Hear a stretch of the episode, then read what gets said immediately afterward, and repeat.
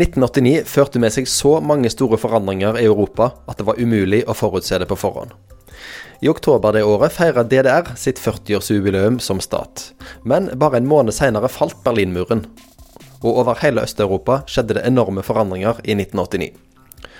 Per Anders Madsen har skrevet boka 1989 året som endra Europa, og besøkte Sølvberget i februar 2020. Ehm, jeg må bare si én ting før jeg starter. Jeg har begynt å dra litt rundt i landet med dette foredraget. Ehm, men det er spesielt gledelig å være i Stavanger. Ehm, fordi den aller mest positive og også den mest velskrevne anmeldelsen av denne boka sto i Stavanger Aftenblad. Så jeg føler virkelig at jeg er blant mine egne i dag. 1989, det siste store revolusjonsåret i Europas historie. Selv om jeg er vant til å skrive avisartikler, så da, da, tenkte jeg at når jeg skal skrive en bok, så har jeg jo masse plass til rådighet. Dette året skjer det så mye at jeg skjønte at tingene, stoffet måtte begrenses, selv om jeg hadde en hel bok til rådighet. Eh, jeg har valgt å skrive boka opp mot det som jeg oppfatter som det store kulminasjonspunktet, det store dramatiske høydepunktet dette året, nemlig Berlinmurens fall 9.11.1989. Og eh, så underlig det enn høres, så falt ikke Berlinmuren som resultat av noen politisk beslutning. Det er en, jeg kommer til å komme litt tilbake til det mot slutten av foredraget. Det er en slags kombinasjon av misforståelser og feilkommunikasjon som gjør at Berlinmuren faller østtyske befolkningen eh, erobrer den friheten de får i og med at Berlinmuren faller. Det er ikke noe de blir gitt. Og alle som har sett disse dramatiske TV-bildene fra sent på kvelden 9.11., når portene plutselig bare slås opp, og store menneskemengder velter ut fra Øst-Berlin og over i vest uten helt å skjønne hva som har skjedd Alle som har sett de bildene, tror jeg vil huske det resten av, resten av livet. Det er dramatiske, livfulle, uh, storslagne scener. Men det er også bilder som på en måte er litt tilslørende. De er tilslørende i den forstand at det er vanskelig å få øye på enkeltpersoner og enkeltpersoners betydning for det som skjedde. Det kommer jeg også litt tilbake til.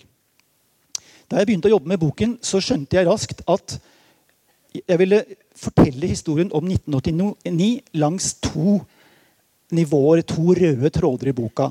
Den ene røde tråden handler om forholdet mellom supermaktene Sovjetunionen og USA. Mikhail Gorbatsjov, som sikkert mange av dere husker, som kom til makten noen år tidligere, i 1985. Reformpolitikken han satte i gang, forholdet til USA, Nato. Gorbatsjovs ønske om å avslutte den kalde krigen og slutte fred med Vesten. Det er liksom én rød tråd i fortellingen. Forutsetningene på politiske plan for det som skjedde. Den andre røde tråden handler om det man kan kalle 1989 på bakken.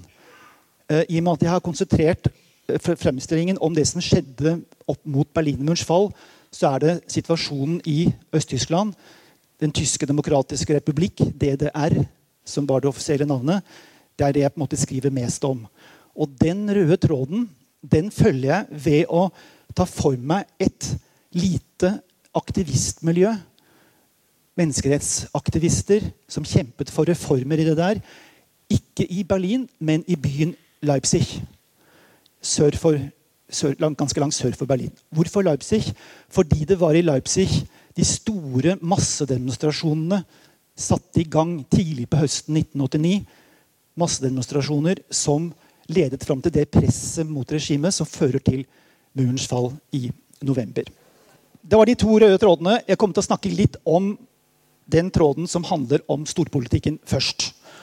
Og Her ser dere noen mennesker dere i hvert fall, i hvert fall den øverste, øverste personen der vil dere nok kjenne igjen mange av dere. Mikhail Gorbatsjov, som kom til makten i Sovjetunionen i 1985.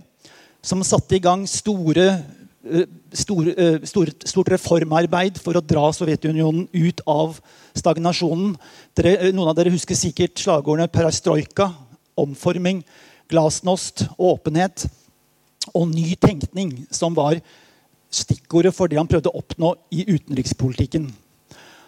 Og, I utenrikspolitikken var han opptatt som sagt, av å få til nedrustning og samarbeid med Vesten. Den 7. desember 1988 holder Gorbatsjov en stor tale i FNs hovedforsamling, som på mange måter er kulminasjonspunktet for denne utenrikspolitikken.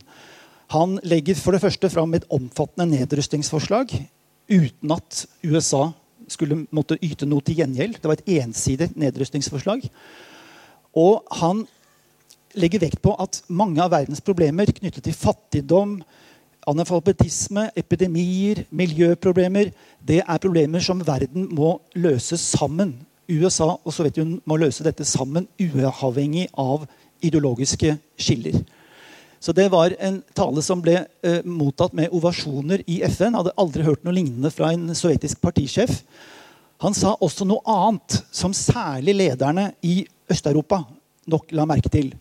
Gorbatsjov la nemlig vekt på at landene i Øst-Europa som helt siden annen verdenskrig hadde vært totalt dominert av Moskva. Nå måtte de ta ansvar for utviklingen i eget land selv. Han sa det som står i sitattegn der. Det er opp til hvert land selv å velge sitt politiske og sosiale system. Det er dårlig nytt for partiledere av typen Erik Honecker i Øst-Tyskland, som vi ser her.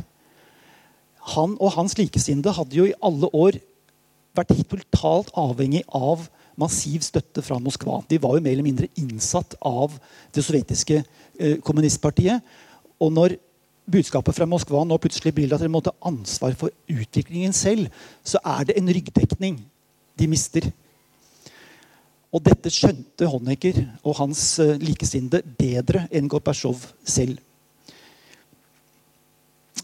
Her er det et nytt bilde dere sikkert også kjenner igjen personene på. Eh, Mikhail Gorbatsjov til høyre igjen.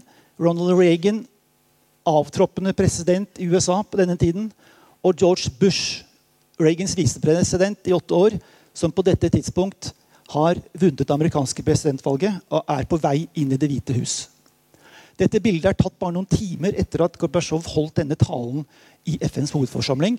Og Det viktigste med møtet er at Gorbatsjov og den påtroppende presidenten Bush skal på en måte følge hverandre litt på tennene og bli litt bedre kjent før Bush overtar kommandoen i Det hvite hus. Alle forventet at Bush ville videreutvikle og fortsette det som har blitt Reagans tøværspolitikk i forhold til Moskva. Reagan og Gorbatsjov hadde møtt hverandre flere ganger, fått et ganske godt forhold, hadde undertegnet flere viktige nedrustningsavtaler. Og alle, ikke minst Gorbatsjov, håpet at Bush ville videreføre dette. Men de signalene Bush gir her, er motsatte. Han sier vil, jeg skal ha nye folk inn, i, inn i, mitt, i, min administrasjon. Vi vil tenke gjennom alt på nytt. Han var rett og slett usikker på om det var mulig å satse på Gorbatsjov. Kan man egentlig stole på denne reformpolitikeren? Man visste jo at det var sterke krefter i det sovjetiske militærapparatet og i KGB som var imot Gorbatsjov. Satt han egentlig trygt i salen? Den type tvil var Bush og hans administrasjon preget av. Og han sa det rett ut da han overtok uh, rundt 20.1.1989. Den kalde krigen er ikke over. Budskapet fra Gorbatsjov i FN hadde jo nettopp vært den kalde krigen er over. Slutt å se på oss som deres fiender. Men Bush var mye forsiktigere. Den kalde krigen er ikke over, var hans budskap da han overtok. Så skifter vi scenen til Leipzig. Og nå er vi på gateplan i, i DDR. Det vi ser øverst her, det er et bilde tatt av en ukjent fotograf. Og det viser en ulovlig demonstrasjon i Leipzig 15.1.1989. En ung mann har hoppet opp på en mur. Han heter Fred Kovac. Han er 24 år gammel. Han holder en spontan appell eh, til de som har samlet seg rundt ham. Eh, dette var en demonstrasjon til støtte for Rosa Luxemburg og Carl Liebknecht. Det er to pionerer i tysk arbeiderbevegelse som regimet i DDR på en måte hadde gjort til uh, hva skal jeg si, plasserte med sitt heltegalleri. Så Samme dag var det store offisielle demonstrasjoner til støtte for disse to. midt i minne om dem. Men denne demonstrasjonen her er uavhengig av de offisielle demonstrasjonene. Uh, de som sto bak, ønsket nettopp å hedre disse og deres, eh, deres, politiske teorier, uavhengig av hvordan regimet hadde tolket det de sto for. En av dem som sto bak denne demonstrasjonen, det er han vi ser her. 25 år gamle Michael Arnold. Han var selv ikke med på denne demonstrasjonen, til tross for at han hadde tatt initiativet til den sammen med sine venner. Han var nemlig blitt fengslet rett før. De hadde møttes hjemme hos Michael noen dager i forveien, denne lille gruppen som sto bak, for å dele ut løpesedler, stikke løpesedler eh, om demonstrasjonen rundt omkring i postkassene i, Berlins, i, Leipzig eh, bydeler. En av dem hadde tystet på politiet. og Samme natt og i dagene som fulgte, så ble Michael og vennene hans arrestert. Han var ledende, et ledende medlem av en liten gruppe aktivister som kalte seg for Initiativgruppe Leben. Initiativ, initiativgruppe Livet. De opplevde tilværelsen i det der som så lukket. De fikk ikke lese det de ønsket av bøker. De kunne ikke reise dit de ville. Det var en tvangstrøye rundt livet deres. Det var sånn de oppfattet det. Og derfor kalte de gruppen Initiativgruppe Livet. Bildet er tatt et halvt år tidligere, i juni 1988. Da denne gruppen arrangerte noe de kalte for en minnemarsj for en død elv. DDR var et land med store forurensningsproblemer. Og gjennom Leipzig renner en liten elv som var helt død av gift. Og en måte å prøve å skape oppmerksomhet om samfunnsproblemene i landet var å annet å prøve å mobilisere til støtte for, nedrus, eh, for, støtte for uh, kamp mot, uh, kamp mot miljøgifter og forurensning. Så det bildet der er tatt et halvt år tidligere. Mens sans, altså i januar 1989 er han blitt ø, fengslet. Litt om da det apparatet disse unge aktivistene sto imot. Stasi, stats, altså Ministerium for statssikkerhet, som var det offisielle navnet på sikkerhetspolitiet. Slagordet mellom offiserene 'tillit er bra, kontroll er bedre'. Og han dere ser øverst her, Erik Milke, han hadde ledet Stasi siden 1957. Var en slags, nesten en stat i staten. Og hans, eh, hans visjon var rett og slett å ha mest mulig oversikt over alle landets innbyggere. Hva de tenkte, hvem de, hvem de hadde som venner, ikke minst om de hadde kontakter i Vesten. Vite mest mulig om alle, slik at man var i stand til å kvele alle tilløp til opposisjonell virksomhet i, i fødselen. Stasi var landets største arbeidsgiver. 91 000 heltidsansatte. Opp mot, 90, opp mot 190 000 såkalte uoffisielle medarbeidere. Som var den betegnelsen man brukte på Det gode norske navnet er jo tystere. Folk som sladret på venner, kolleger, familiemedlemmer. I enkelte tilfeller også ektefeller, viste seg etterpå. Og en ektefeller hvor ene parten hadde da tystet til Stasi på, sin egen ektefelle. Det bildet dere ser eh, nederst her, det er eh, Stasi-hovedkvarteret i Leipzig. Det er et museum i dag. Det er et bilde jeg selv har tatt. Eh, og her, bare for å gi et lite eksempel på hva dette apparatet drev med, her satt det 120 medarbeidere og bare drev og åpnet brev, post, for å se hva som sto i private brev. For å få mest mulig oversikt over hva folk drev med. Og de klarte altså opp mot 2000 brev om dagen. Opposisjonen i DDR var ganske uh, sped. Det dette er tall fra en rapport som Stasi selv har laget så sent som på vårparten 1989. Landet har altså 17 millioner innbyggere.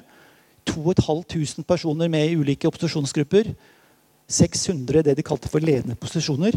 Og hvis man begrenser seg til virkelig den harde kjernen av aktivister, så mente Stasi at det ikke var mer enn 60 personer i hele DDR i 1989, våren 1989. Noe av grunnen til at opposisjonen var såpass sped, det var at regimet i mange år hadde sendt personer som de tenkte kanskje kunne bli et problem, rett og slett sendt inn til Vest-Tyskland for hard valuta. De solgte politiske fanger for ca. Ja, 100, litt under 100 000 D-mark. Og Da løste de to ting. De ble kvitt det de mente var vanskelige personer.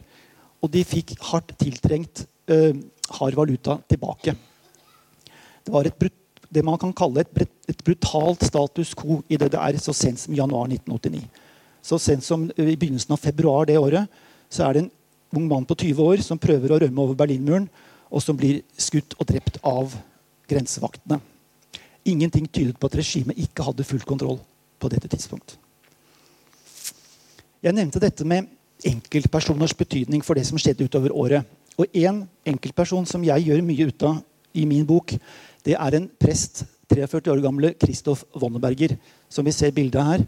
Han tenner uh, lys for uh, fengslede aktivister. Bildet er tatt litt tidlig på høsten 1989. Han hadde vært en freds- og menneskerettsaktivist i mange år og hadde mottatt sterke impulser fra Polen. Polen var, som dere, mange av dere husker, litt annen type utvikling enn i de andre østeuropeiske landene på 80-tallet. Men fagbevegelsens solidaritet, som i mange år hadde vært en stor utfordring for regimet. Wonneberger dro ofte til Polen og opplevde det samfunnet som mindre uh, altså Diktaturet var mindre hardt der enn hjemme i DDR. Han opplevde samfunnet der som mer åpent, fikk tak i litteratur for eksempel, som ikke var mulig å få tak i i Øst-Tyskland. Han kom til Leipzig i 1985. og Der var det dratt i gang noen det de kalte for fredsbønner hver mandag. Som hadde pågått siden tidlig på 1980-tallet. Fredsbønner som, som, rettet seg mot opprustning både i øst og vest. Um, Wonneberger overtok ansvaret for disse fredsbøndene i 1987. Og han klarte da å øke oppslutningen rundt dem, og han gjorde det mye mer politiske. Mye skarpere brodd mot regimet. Med den følge at han selvfølgelig ble overvåket av eh, Stasi, og kom også på kant med kirkens egne ledere. Hvorfor kom han på kant med kirkens egne ledere? Jo, husk at den evangeliske kirken i Øst-Tyskland var kanskje den eneste store institusjonen i hele landet som ikke var gjennomkontrollert av regimet og kommunistpartiet. Det var inngått en slags hva skal man kalle det, en slags borgerfred, et slags kompromiss en del år tidligere, som gikk ut på at Kirken ikke skulle utfordre partiets maktstilling, partiets makt. Det måtte, både aksepteres, men til gjengjeld fikk Kirken en viss grad av indre selvstyre.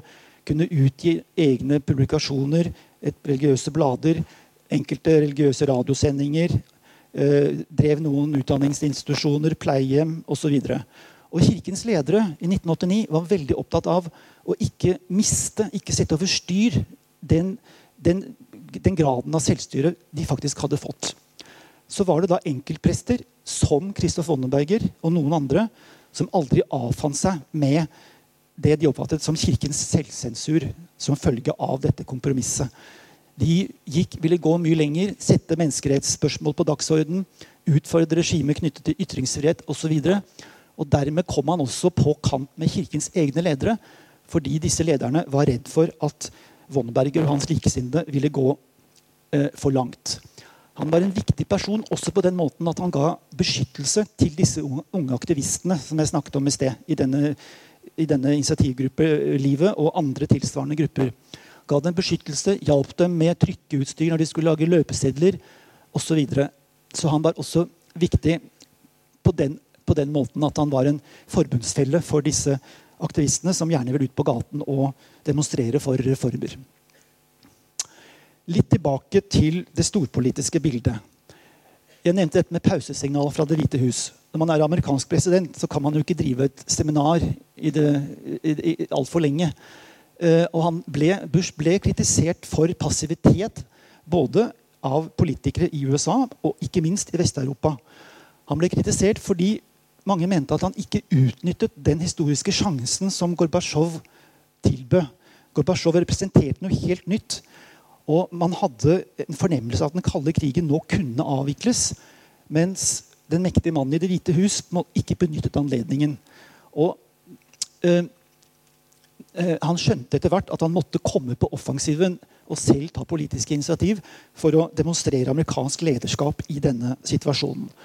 Og det gjør han opp mot et viktig Nato-møte i mai 1989, hvor han legger fram et omfattende nedrustningsforslag. Han også, han møter på en måte Gorbatsjov på Gorbatsjovs egen banehalvdel. Og så gjør han en ting til. Han utarbeider en visjon som kan samles opp i begrepet 'et Europa helt og fritt'.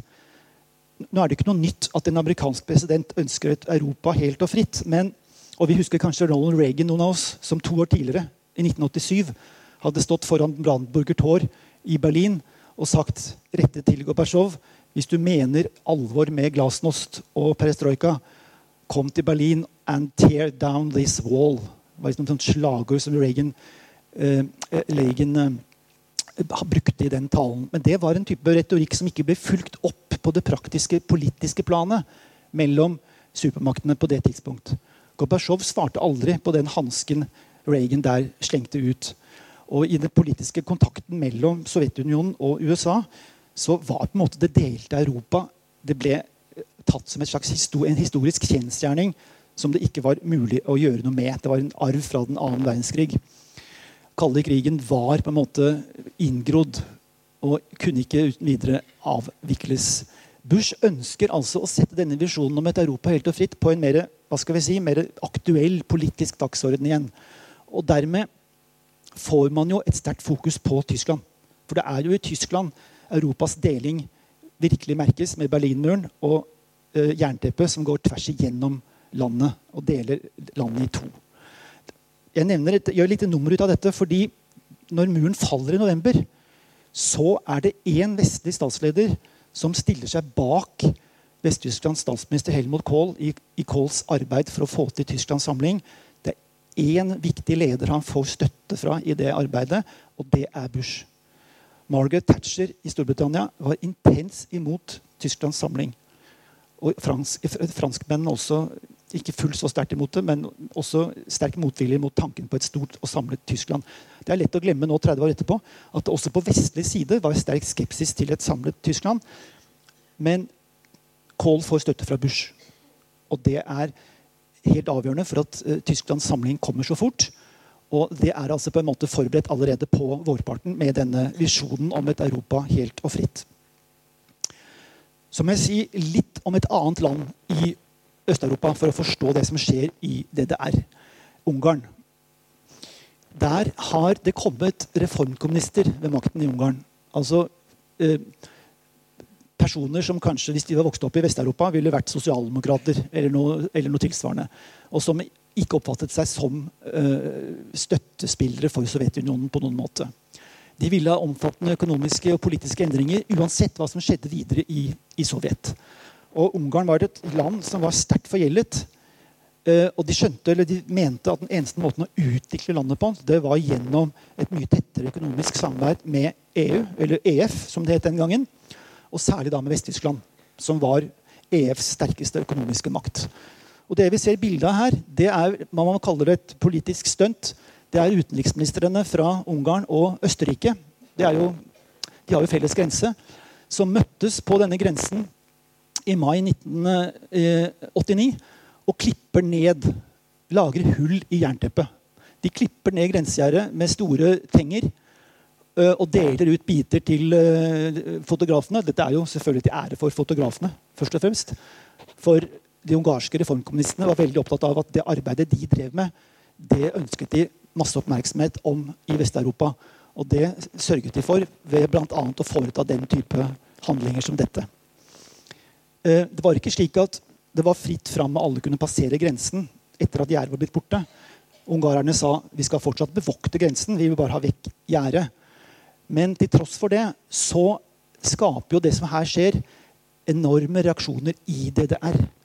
I DDR har jo befolkningen i alle år muren har, eksistert, prøvd å, de kunne ha prøvd å klatre over i ballong og forskjellige måter. Grave under var det noen som prøvde på. 150 mennesker omtrent hadde betalt sånne fluktforsøk med livet. Men når de nå ser dette, kanskje det er ikke nødvendig å krype under eller klatre over, men rett og slett å dra rundt. Først til Tsjekkoslovakia, nabolandet i sør, og så til Ungarn, og så kanskje videre til Østerrike og Vest-Tyskland den veien. Honecker, som sitter ved makten i det der, er jo ikke dum. Han skjønner jo at hans, hans landsmenn tenker på akkurat den måten. At dette tenner seg et håp om å komme seg til Vesten på den, på den måten. Og det er akkurat det som skjer. Det er en bølge av migranter. Det var veldig mange som dro på ferie til Ungarn fra de andre østeuropeiske landene, også fra DDR. Dit hadde de jo lyst til å dra. Ungarn var jo det ble jo kalt den, den gladeste brakka i leiren. ble Det ofte kalt. Det var litt mer private butikker, det var god vin, det var hyggelig rundt Balatansjøen. Det var et veldig populært reisemål for andre østeuropeere. Det som skjer denne sommeren, her, er at fortsatt drar mange østtyskere på ferie, men de drar ikke tilbake når ferien er over. De blir bare værende i Ungarn i håp om å komme seg videre, nettopp fordi de hadde sett at dette grensegjerdet ble klippet ned. Og det stiller etter hvert uh, de ungarske lederne i en vanskelig veldig vanskelig situasjon. De er jo under sterkt press fra Honecker, som vil at disse, alle disse østtyskerne som befinner seg i Ungarn, de må utvises og sendes tilbake til DDR. Det vil ikke disse reformkommunistene gjøre. Men hva skal de gjøre? Det er liksom opp mot 100 000 mennesker som bor på gata. Tenner og primuser og slår opp telt og sånn. Ganske kaotiske tilstander i Budapest og andre byer seinsommeren 1989. Til slutt så bestemmer ungareren seg rett og slett for å åpne grensen helt. Åpne grensen helt. Det skjer 10.9., og titusener av østtyskere flommer ut og til Østerrike og videre til Vest-Tyskland. Det utløser selvsagt et nytt raserianfall i Øst-Berlin. Uh, og de, Honecker legger da press på myndighetene i Tsjekkoslovakia, som er, altså er det landet som ligger mellom DDR og Ungarn, og forlanger at tsjekkoslovakene skal stenge grensen til Ungarn for alle østtyskere. Og det gjør tsjekkoslovakene. Det er et ganske hardt regime som sitter ved makten i Praha. Har ikke noe særlig til overs for disse ungarske reformkommunistene, så de stenger grensen. Med den følge at mange mennesker som da var på vei, hva gjør de? De, seg, de blir på en måte fanget i ingenmannsland. Og det mange av dem gjør, det er det vi ser bildet her, de flokker seg om den vesttyske ambassaden i Praha. Altså i den tsjekkoslovakiske hovedstaden. De vil ikke dra tilbake til det der. De drar til ambassaden i Vest-Tyskland i håp, øh, Vest ambassaden i Praha i håp om å få hjelp til å komme seg ut. Det, det jo da, utløser jo da en uholdbar situasjon også i Praha. For selv om tsjekkoslovakene ikke hadde særlig til overs for disse skulle ville emigrere, så de på, er de på ingen måte interessert i å ha massevis av østtyskere gående rundt i Praha og nærmest okkupere den vesttyske ambassaden, som vi ser her. Så enden på denne visa her blir at Honecker går med på at de skal få dra vestover. Men ikke direkte fra Tsjekkoslovakia og over til Vest-Russland, som hadde vært det enkleste. Han forlanger at de skal settes på forseglede tog. Merk dere med forseglede tog. Hvilke assosiasjoner er det ikke det skaper når vi, når vi snakker om eh, Sentral-Europa? Disse landene vi, her snakker om. Forseglede tog som skulle da gå tilbake til det der der skulle østtyske politifolk komme om bord, konfiskere alle dokumenter, ID-dokumenter, og så formelt utvise disse østtyskerne til Vest-Tyskland. Det skulle gi på en måte Honecker-regimet et slags hva skal jeg si, en aura å ha kontroll. De skulle utvise disse menneskene som på en måte hadde vanæret republikken ved å prøve å rømme illegalt. Siste tog til friheten blir disse togene kalt. Og Jeg gjør et nummer av dette, for det, akkurat denne hendelsen her er med på å skape den desperasjonen i Øst-Tyskland uh, utover høsten som fører til fallet, murens fall i november. For det som skjer når disse togene kommer til det der, og inn i byen Dresden, som altså ligger helt sør i, i DDR, kommer inn på jernbanestasjonen der På dette tidspunkt er det, det er et hermetisk lukket land. Tenk deg hvilken atmosfære det egentlig skaper. 2000-3000 mennesker prøver rent fysisk å kape, komme seg om bord på disse togene. Komme seg om på disse såkalte siste tog til friheten. Og det utspiller seg ganske brutale scener mellom sikkerhetspolitiet og demonstranter i Dresden eh, på dette tidspunkt. Vi snakker nå om de første dagene i oktober 1989. Eh, ganske, eh, ganske, voldsomme scener. Og det er med på å øke frykten i den østtyske befolkningen. Hva egentlig sikkerhetspolitiet er i stand til å foreta seg når de blir tilstrekkelig ut, utfordret. Og ganske voldelig sammenstøt i Dresden uh, den natten. Så må vi tilbake til Leipzig et øyeblikk. Det vi ser her, 4.9., det er en nøkkeldato for det som skjer videre. Det vi ser her, er par av disse unge aktivistene som uh, satt arrestert i januar og som jeg har snakket mye med i forbindelse med arbeidet med boka. De var jo veldig unge den gangen. De er i full vigor, Mennesker i, i 50-årene i dag. Gesine Oltmanns, 23 år gammel den gangen. Katrin Hatnauer, bare 20 år gammel, som mandag 4.9. står bak denne demonstrasjonen hvor de har et slagord 'For et åpent land med frie mennesker'. Det summerer opp på en måte det de ønsket å arbeide for i i, i, sitt, i, sitt, hjemland, DDR. Til høyre her ser vi noen Stasi-agenter som har styrtet fram bare noen sekunder etterpå. egentlig, Og river dette banneret til seg. Og Katrin ser vi her.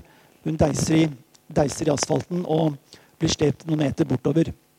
Hun blir ikke arrestert, Ingen av disse blir arrestert den dagen. Hvorfor ikke det? Fordi Leipzig 4.9. er åpning av det som heter Messeuken. Leipzig er en gammel messeby, handel- og industrimesse med tradisjoner helt tilbake til middelalderen. Og Det var en tradisjon som regimet ønsket å videreutvikle og bevare, fordi Honecker og hans folk ville gjerne framstille DDR som en moderne, eh, teknologisk eh, avansert industristat.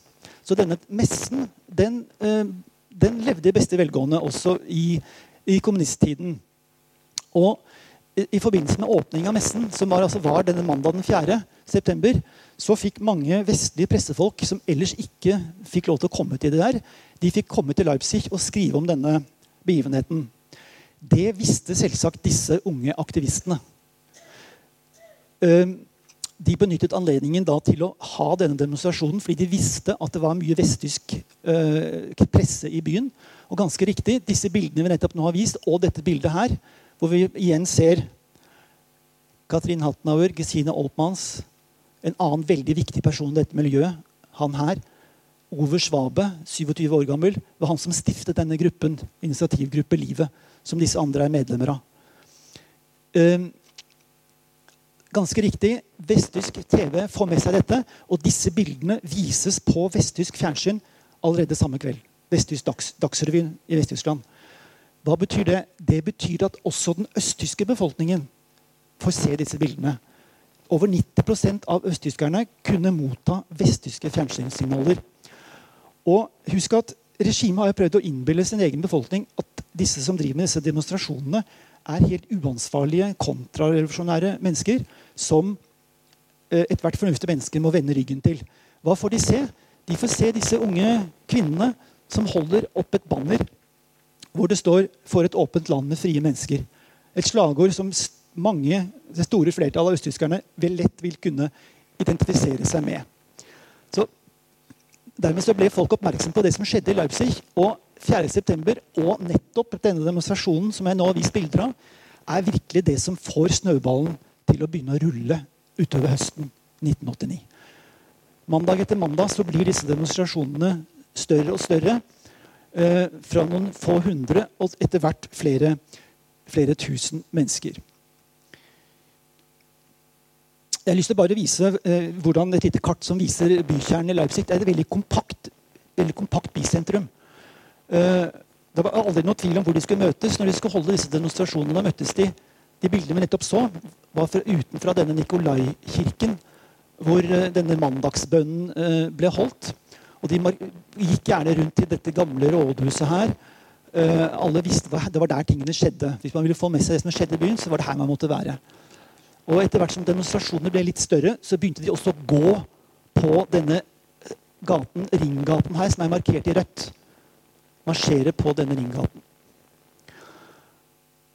Et annet viktig poeng med Leipzig er at i tillegg til at de hadde disse unge aktivistene som var veldig aktive, så, var, så klarte de å også utvikle et samarbeid mellom de som ønsket reformer i det der, på den ene siden, og de som ønsket å emigrere på den andre. Jeg har jo snakket om denne emigrantbølgen nå gjennom Tsjekkoslovakia og Ungarn. ikke sant? I andre østtyske byer så var det forholdet mellom de to gruppene var litt ikke så godt. Fordi disse som ønsket politiske reformer der, mange av dem mente at det var ikke noe naturlig egentlig å alliere seg med disse utreisevilje, som de ble kalt. For de sto egentlig allerede med et bein i Vesten. Så hvorfor, hvorfor skulle man egentlig samarbeide så mye med dem? I Leipzig så klarer de å få til et ganske godt samarbeid. fordi disse utreisevillige hadde jo egentlig ikke noe å tape på å stikke hodet fram. De hadde jo også kommet på kant med regimet ved å ønske å, å reise.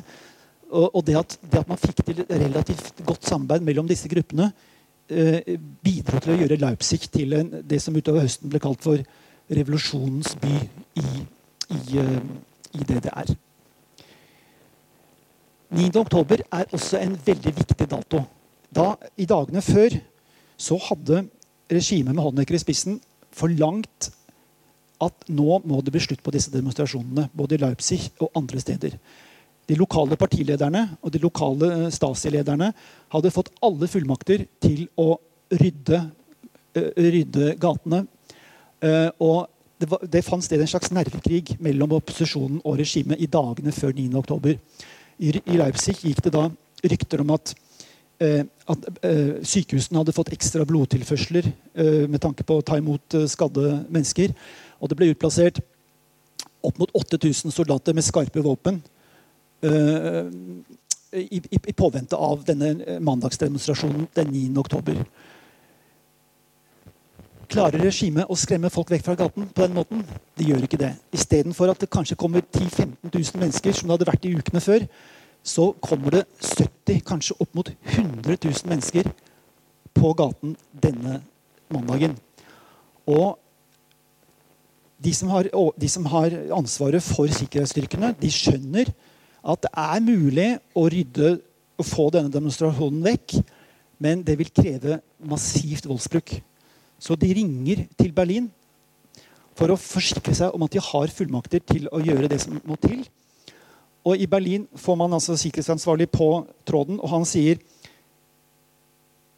jeg vet ikke hva vi skal gjøre, men jeg ringer tilbake om et lite øyeblikk. Bare vent. Han var også helt bestyrtet da han hørte at det var 70 000 mennesker på gata. Så legger de på, og demonstrasjonen går sin gang i mellomtiden. Og kommer ikke, det kommer ikke noen telefon tilbake fra Berlin. Taust. Og da er det de lokale lederne i Leipzig som beslutter å ikke åpne ild. Det er på en måte regimet og folket som står mot hverandre og stirrer hverandre i hvitøyet. Og det er regimet som, som, blunker, som, blunker, først. Så det var en enorm oppmuntring for disse, alle disse demonstrantene at det gikk fredelig for seg. Og mye av det som skrives om høsten 1989 i, i Tyskland i dag, så blir denne dagen 9. oktober i Leipzig ofte kalt for avgjørelsens dag. Fordi regimet kommer egentlig aldri til hektene igjen etter denne dagen. De kommer aldri ordentlig på offensiven igjen. De er beslutningsvegring, demoralisert, vet ikke, skjønner ikke hvordan de skal håndtere den krisen som bare blir sterkere og sterkere, eh, mer og mer alvorlig etter hvert som ukene går. Så hvordan kunne det egentlig skje? Jeg har nevnt dette med regimets handlingslammelse. Jeg har nevnt dette med migrantbølgen, som skapte og det er mange av de jeg har snakket med, skapt, brukte da uttrykket endetidsatmosfære. Tenk deg, Skoleklasser måtte slås sammen fordi lærerne plutselig hadde rømt til Vesten. stukket av. Eh, bakeren stengt. Ble ikke bakt brød i en del småbyer fordi bakeren hadde også reist. Legene måtte, måtte liksom stenge sine kontorer. Altså, mange eksempler på at samfunnet, maskineriet, var i ferd med å gå opp opp i linningen. Og det tror jeg er en viktig grunn til den, at, at, så mange overvant sin egen frykt. Den desperasjonen av at nesten at nå går dette samfunnet i oppløsning. Bidro til å få dem ut på gaten og overvinne sin egen frykt for, for politiet. Så det, det, er, eh, det er et, et, et, viktig, et, viktig, poeng. Men likevel, en person som jeg har snakket mye med, som heter Stefan Bickart, også han teolog, som var aktivist i Øst-Berlin, han, han, har fortsatt selv selv om han var aktiv den gangen, problemer med å forstå at dette kunne skje på så kort tid. Om 100 år mener han, kommer historikerne fortsatt til å studere hvordan mandagsdemonstrasjonen i Leipzig kunne svulme opp fra noen få hundre deltakere til titusener. Men så har jeg funnet et sitat fra den kjente eh, samfunnsteoretiker Alexi de Tocqueville, som skrev om demokratiet i Amerika og som levde for 200 år siden. Eh, og Det er et sitat som jeg tror fanger opp liksom, mentaliteten, psykologien, i Øst-Tyskland denne høsten. Ondskapen som menneskene tålmodig utholder fordi den synes uunngåelig, blir ikke til å bære i det øyeblikk dens avskaffelse synes tenkelig. Eller, synes mulig. Husk at de visste hva som, de visste hva som skjedde i, Sovjetunionen, de visste hva som skjedde i Polen, de visste hva som skjedde i Ungarn. Det var bare, liksom, bare det det er. Tingene var helt uten bevegelse. Men jeg tror mange skjønte at det vil måtte kunne skje noe her også. Man ser på en måte slutten på regimet. Og når man gjør det, hvis man følger Tocquevilles tankegang, når man ser på en måte at det er mulig at dette kan opphøre, så blir det ikke til å holde ut. Og det blir i seg selv en spore til aktivisme.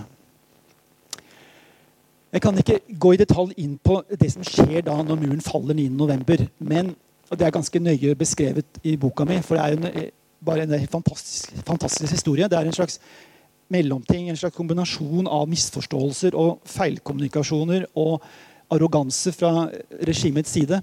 Men dette med reiselovene, altså dette med muligheten for å dra ut av det der, hadde jo vært en, et, et, brennbart tema i mange uker. Det hadde vært en gjenganger i disse demonstrasjonene. Ønsket om, om, å kunne reise fritt. Og øh, sentralkomiteen, det høyeste organet i partiet, skjønte at vi må gjøre noe for å roe ned stemningen. Så, og dette, den sentralkomiteen satt da sammen i dagene 8., 9. og 10. november. Og de besluttet faktisk å myke opp reglementet en god del. Eh, det skulle fortsatt søkes om å kunne dra ut. Men søknadstiden skulle, altså tiden det tar å behandle søknadene, skulle bli mye kortere. Og flere skulle få grønt lys osv. Så, så holder partisjefen i Berlin, Gynter Schabowski, en pressekonferanse 9.11. klokka 6 om ettermiddagen. Schabowski hadde selv ikke vært til stede på disse viktige møtene hvor dette nye regelverket ble vedtatt. Han fikk bare en pressemelding stukket i hånden rett før pressekonferansen skulle gå av stabelen.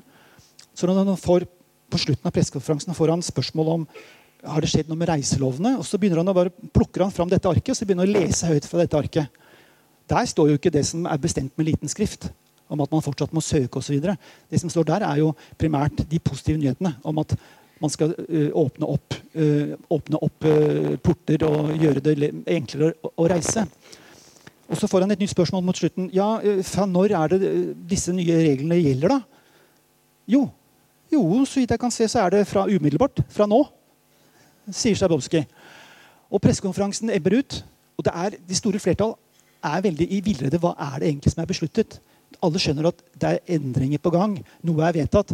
Men gjelder det bare de som skal på besøk til Vesten, eller gjelder det, bare, eller gjelder det de som skal emigrere for godt? Dette var veldig uklart.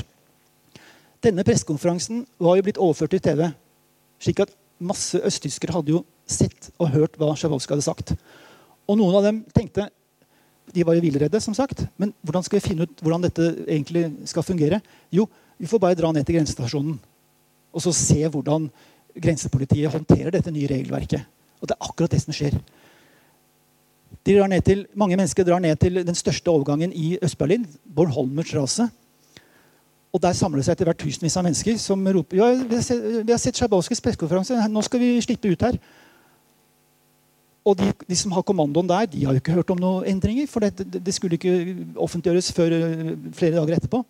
Så han ringer, han, eh, offiseren Harald Jæger, som har kommandoen der, han ringer til sine overordnede. Det er masse mennesker her som uh, sier at de skal dra over til Vesten. Er det noen forandringer av regelverket? Nei. Det var svaret han fikk.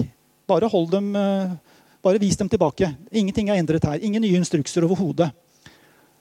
Men folk eh, nekter jo å dra, og til slutt så blir det ikke 5000, 10 000. Mot nærmere midnatt er det 20 000 mennesker. Noen dager tidligere har det vært en kjempedemonstrasjon i Berlin. Nesten en million mennesker. slik at stemningen i landet var jo på bristepunktet på dette tidspunkt. Og til slutt så blir altså Harald Jæger, denne eh, oberstløytnanten som har kommandoen på Bornholmerstrasse, han blir rett og slett redd for at denne grensestasjonen vil bli stormet. Og Inne på den stasjonen er det jo masse våpen. Og han ville kunne bli nødt til å gi ordre om å skyte mot disse eh, menneskene som var samlet der. Er han beredt til å gi en sånn ordre om å skyte? Det er han ikke. Og Det er altså grunnen til at han eh, litt før midnatt bare bestemmer at portene må opp. Vi må få løst denne situasjonen og folk flommer ut. Og vi ser disse bildene fra, som, eh, som, mange av oss har sett, og som det er vanskelig å, å glemme. Så jeg har bare lyst til å vise dere disse aktivistene som jeg har snakket litt om, og som jeg har vist bilder av da de var i 20-årene. Sånn de ser ut i dag, da jeg traff dem i Det begynner å bli halvannet år siden nå. Eh, Gesine Oltmanns eh, og Kasin Hattenhauer som holdt dette banneret 4.9.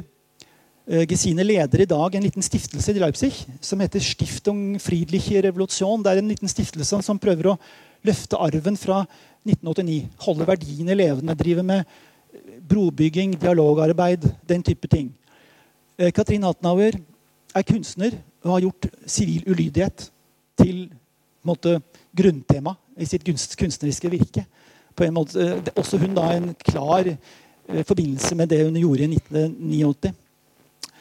Kristoff Wonneberger, denne presten som jeg har snakket om, og som jeg skriver ganske mye om i boka, i dag par og 70 år, eh, pensjonist, men også fortsatt meget aktiv fredsaktivist. Ove Schwabe, som, led, som, stiftet denne lille gruppen som jeg konsentrerer meg om, initiativgruppe Livet, eh, jobber i dag på et, på et, samtidshistorisk museum i Leipzig. Hvor han eh, forvalter den arven som han selv er en levende del av. Og Michael Arnold, som eh, sto bak, eller tok initiativet til den demonstrasjonen i januar som jeg startet med. Han eh, fikk eh, fullført disse tannlegestudiene sine og jobber i dag som tannlege i, i Dresden.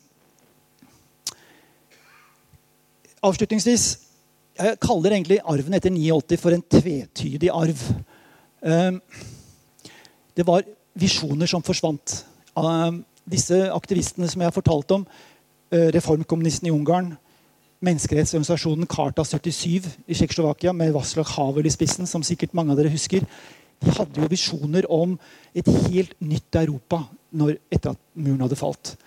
Både Warszawapakten og Nato kunne gå i oppløsning bygge opp eh, store felles europeiske politiske samarbeidsorganisasjoner, avmilitarisering av verdensdelen osv.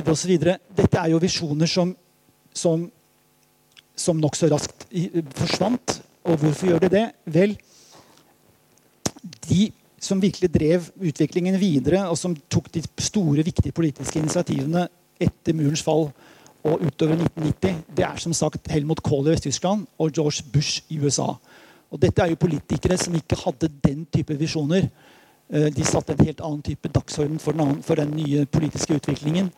Eh, og eh, man tenker på den usikkerheten som Sovjetunionen og Russland på det tidspunkt representerte, så er det jo ikke så rart at politikere av typen Kohl og Bush mente at et fortsatt sterkt Nato var det, som kunne det eneste som kunne garantere Europas sikkerhet. Et annet punkt som jeg har lyst til å trekke fram ganske kort, er dette med at revolusjonen i Øst-Europa det var jo ikke bare en kamp for menneskerettigheter og demokratiske rettigheter og parlamentarisme som ble kronet med seier. Det var også nasjonale reisninger. Mye av grunnen til at disse gamle regimene, kommunistregimene var så forhatt, var jo selvfølgelig at det var ensrettende regimer med liten respekt for menneskerettigheter osv. Men en annen tilleggsgrunn var jo at dette var regimer som var påført land som Ungarn, og Polen og Tsjekkoslovakia var påført dem utenifra. Det var jo dirigert fra Moskva. og var Sånn hadde det vært gjennom hele etterkrigstiden. Slik at når man får disse oppstandene høsten 1989, så er det også en sterk grad av altså, Det å oppleve å kunne utvikle eh, politiske styresett på nasjonal grunn.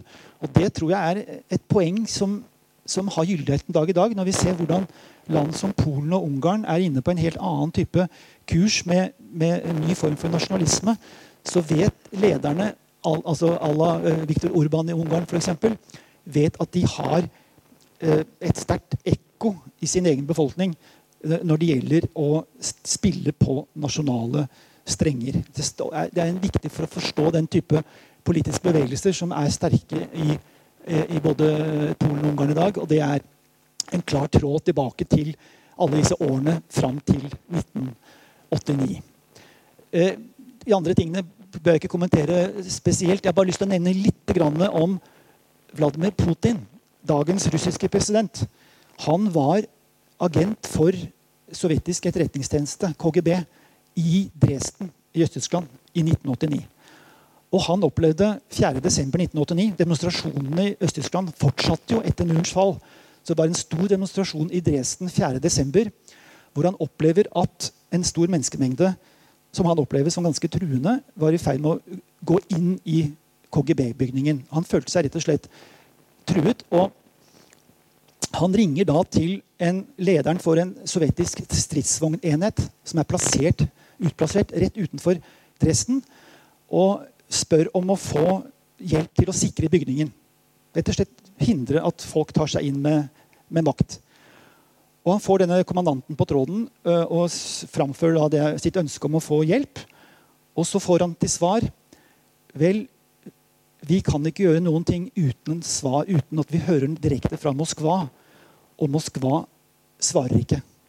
Og det var, et, det, var et, det var, en type respons som folk som har jobbet mye mer med Putin enn det jeg har gjort, mener formet Det gjorde så sterkt inntrykk på Putin at, at det at det, det er i dyp krise Sovjetunionen er jo fortsatt den, makt, den, man, den, den, makten som dominerer det der på dette tidspunkt. Men Moskva svarer oss ikke. Og det var nok en formende eh, erfaring for Putin. Altså Man må ikke komme i en sånn situasjon at, at Moskva er så i villrede og så svakt at de ikke er i stand til å svare, gi et svar i en sånn kritisk situasjon i et, i et uh, alliert land, som jo DDR var. Så øh, det var nok, en, var nok en, en, i hvert fall legger han stor vekt på det i sine egne bøker. Det som, det som øh, han opplevde da i DDR i 1989. James Baker var Bush sin utenriksminister. Han har sagt, eller skrevet i sin egen biografi, selvbiografi at nesten alt vi oppnådde av suksess, sådde også frø til fremtidige problemer. Og Da er det nok akkurat dette med at man ikke fikk en klar, definert plass for Sovjetunionen slash Russland i det systemet som ble bygget opp i årene umiddelbart etter murens fall. Det nye Europa som ble utviklet etter murens fall, etter Tysklands samling. Eh, opplevelsen i Russland om at man ikke ble tilbørlig tatt hensyn til, er nok noe av det som ligger, ligger uh, til grunn for uh, den oppsummeringen fra Bakers side. Det, er, litt, det er, litt, trist å, å, munne ut, liksom la en sånn fortelling om dette utrolige året munne ut med såpass uh, klare tvetydigheter. Så la meg da helt til slutt sitere en britisk historiker som heter Timothy Ash, som var, fulgte utviklingen veldig tett i 1989. Og i anledning 30-årsjubileet i fjor høst så sa han flere ganger at 1989 er et av de flotteste, beste år i Europas historie. Takk for meg.